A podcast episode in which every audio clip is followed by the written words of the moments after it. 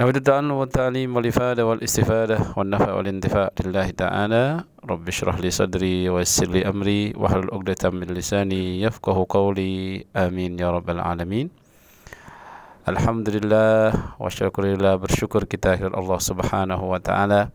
Sore hari ini kembali kita diberikan kesempatan oleh Allah untuk bertemu duduk bersama di majelis ilmu di taman-taman surga.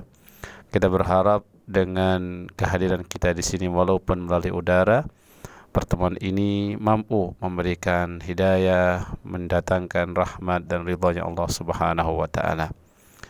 Mitra Muslim di mana Anda berada, kita melanjutkan kajian kita dalam adab-adab safar dalam khususnya safar menuju tempat yang mulia yaitu Al-Makkah Al-Mukarramah wal Madinatul Munawwarah yang mana dalam adab ini harapan kita adalah dengan beradab sejak kita berangkat, sejak kita ini bepergian hingga kita kembali ke rumah kita masing-masing harapannya dengan adab ini mampu mendatangkan kemabruran dalam ibadah kita baik dalam ibadah haji dan umrah karena sangat-sangat berpengaruh sekali bagaimana seorang menghayati dan menghiasi dirinya dengan adab-adab ini?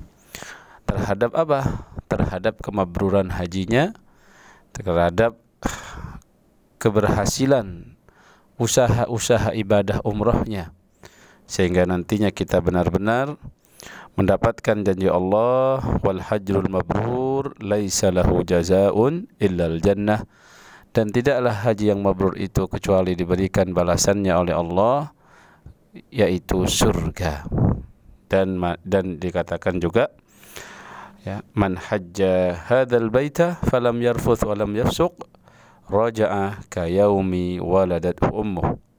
Barang siapa orang yang berhaji ya, kepada Baitullah di Masjidil Haram di Madinah Al Munawwarah dia ini kemudian falam yarfud lalu dia tidak melakukan rafath ya kemudian walam yafsuq tidak melakukan kefasikan raja'a ka yaumi waladat ummuhu dia akan kembali sebagaimana dia dilahirkan dalam urusan dosa yaitu dosanya diampuni oleh Allah Subhanahu wa taala. Ikhwatul iman jemaah sekalian, kita disunnahkan dan dianjurkan yustahabbul iktharu minad du'a fi jami'i safarihi wulatul muslimin wa sairil muslimin bi Muhammad umur akhirah wad dunya. Jadi kita ini dianjurkan untuk memperbanyak doa-doa dalam setiap perjalanan kita, baik itu dari rumah ke tempat kita bermukim di sana, dari tempat bermukim ke tempat-tempat haji ketika kita ini beribadah, ke tempat mikot dan seterusnya, memperbanyak doa-doa kita. Tidak hanya fokus terhadap doa safar, doa talbiyah, doa sebelum kita berihram dan seterusnya, tetapi selipkan dalam setiap safar kita ini doa-doa linafsih untuk dirinya, wali walidai untuk kedua orang tuanya, wa ahibba'uh wa ahibbaih yaitu kepada orang-orang yang dicintainya khususnya orang-orang yang dicintainya karena Allah. Ya, wa wulatul muslimin kita juga mendoakan pada pemerintah kita kepada amir kepada umarok kita. Semoga diberikan kemudahan mengemban amanah dan menjalankan tugas-tugas mereka. Nah, begitu juga kepada pada para muslim ya dalam khususnya dalam urusan doa-doa yang berkaitan dengan akhirat dan juga dunia yang mana kita berharap Rabbana atina fid dunya hasanah wa fil akhirati hasanah. Tidak hanya untuk diri kita tetapi untuk orang-orang di sekitar kita sehingga peran kita dalam ibadah haji dan umrah ini bukan hanya bertujuan mensolehkan diri kita sendiri tetapi kita sudah ingin sampai kepada derajat yang lebih tinggi yaitu muslih yaitu orang yang bisa membawa kebaikan kemaslahatan bagi orang lain di sekitarnya walaupun ya dalam realnya itu dengan doa kita. Karena doa ini memang silahul mukmin. Walaupun tidak terlihat usahanya, kita tidak tahu. Ya, bisa jadi doa kita ini yang diijabah oleh Allah, yang dikabul oleh Allah tatkala kita berdoa ya Allah mudahkan para pemerintah kita, para pejabat kita, para amir kita untuk melaksanakan tugas-tugas mereka berikan hidayah. Bisa jadi doa itu yang terkabul. Akhirnya Allah beri kemudahan oleh beri taufik dan hidayah. Apalagi bagi seorang bapak dan ibu ya yang mungkin meninggalkan anak-anaknya, cucu-cucunya. Nah, ini kesempatan untuk memperbanyak doa. Karena berdasarkan apa yang diwayatkan dari Abi Hurairah radhiyallahu an anin Nabi sallallahu alaihi wasallam. Yang mana ini ada dalam Sunan Abi Dawud wa Tirmidzi wa ghairihima. Ya. Dan ini hadisnya sahih. Thalathu da'awatin tiga doa mustajabat yang akan diijabah oleh Allah.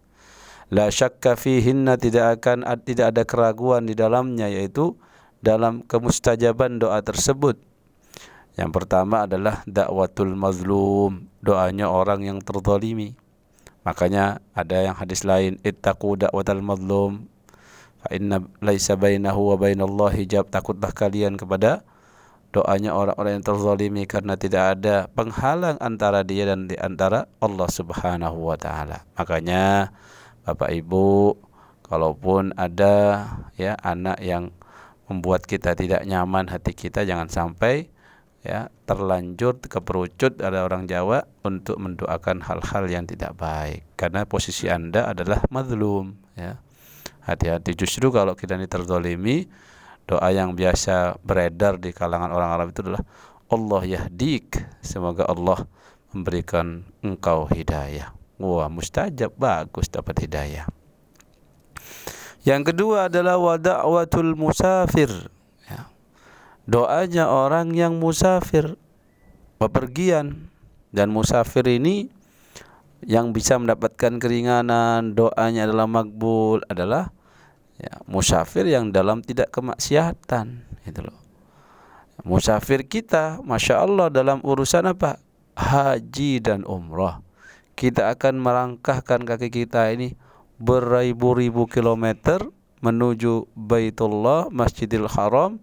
Kalau kita baca hadis-hadis, kalau kita pergi ke masjid saja langkah-langkah kaki kita itu satu langkahnya adalah menaikkan derajat di sisi Allah. Satu langkahnya adalah bisa menghapuskan dosa-dosa kita. Bagaimana kalau beribu-ribu kilometer menuju ke Masjidil Haram lagi? Ya. Jauh itu.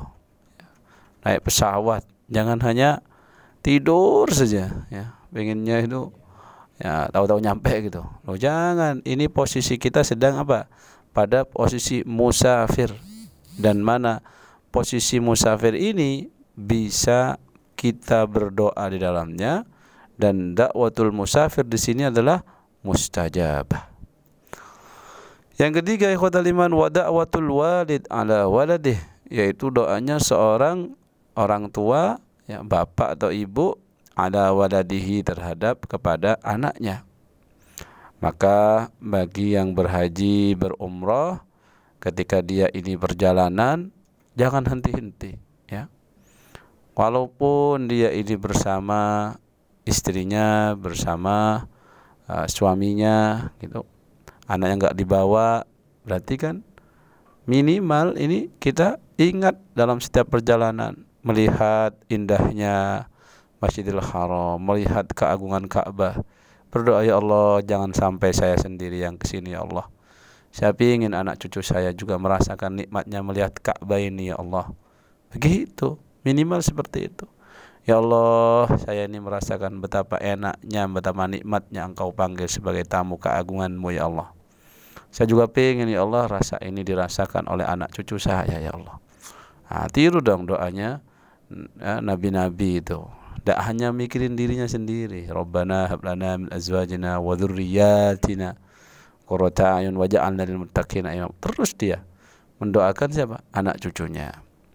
Maka di sini khawatir iman penting adab kita dalam uh, safar haji dan umrah ini menyisipkan doa-doa. Di setiap melihat. Kalau kita pada pertemuan yang lalu kan me melihat sesuatu harus melihat keagungan di balik itu. Maka sisipkan dari situ. Melihat keagungan apa sisipkan doa di situ ya. Jangan hanya wow gitu saja ya. Jadi wow keren banget ya. Ya ini apa ini? Ini bukan ciri-ciri orang beriman ini ya. Melihat keagungan apa misalkan ya.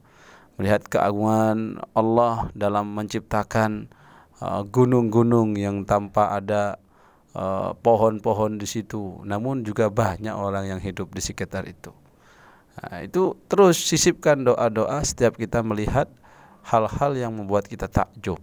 Ya, jangan hanya berhenti sebatas wow, masya Allah, ya itu masih mending ada masya Allahnya itu. Ya.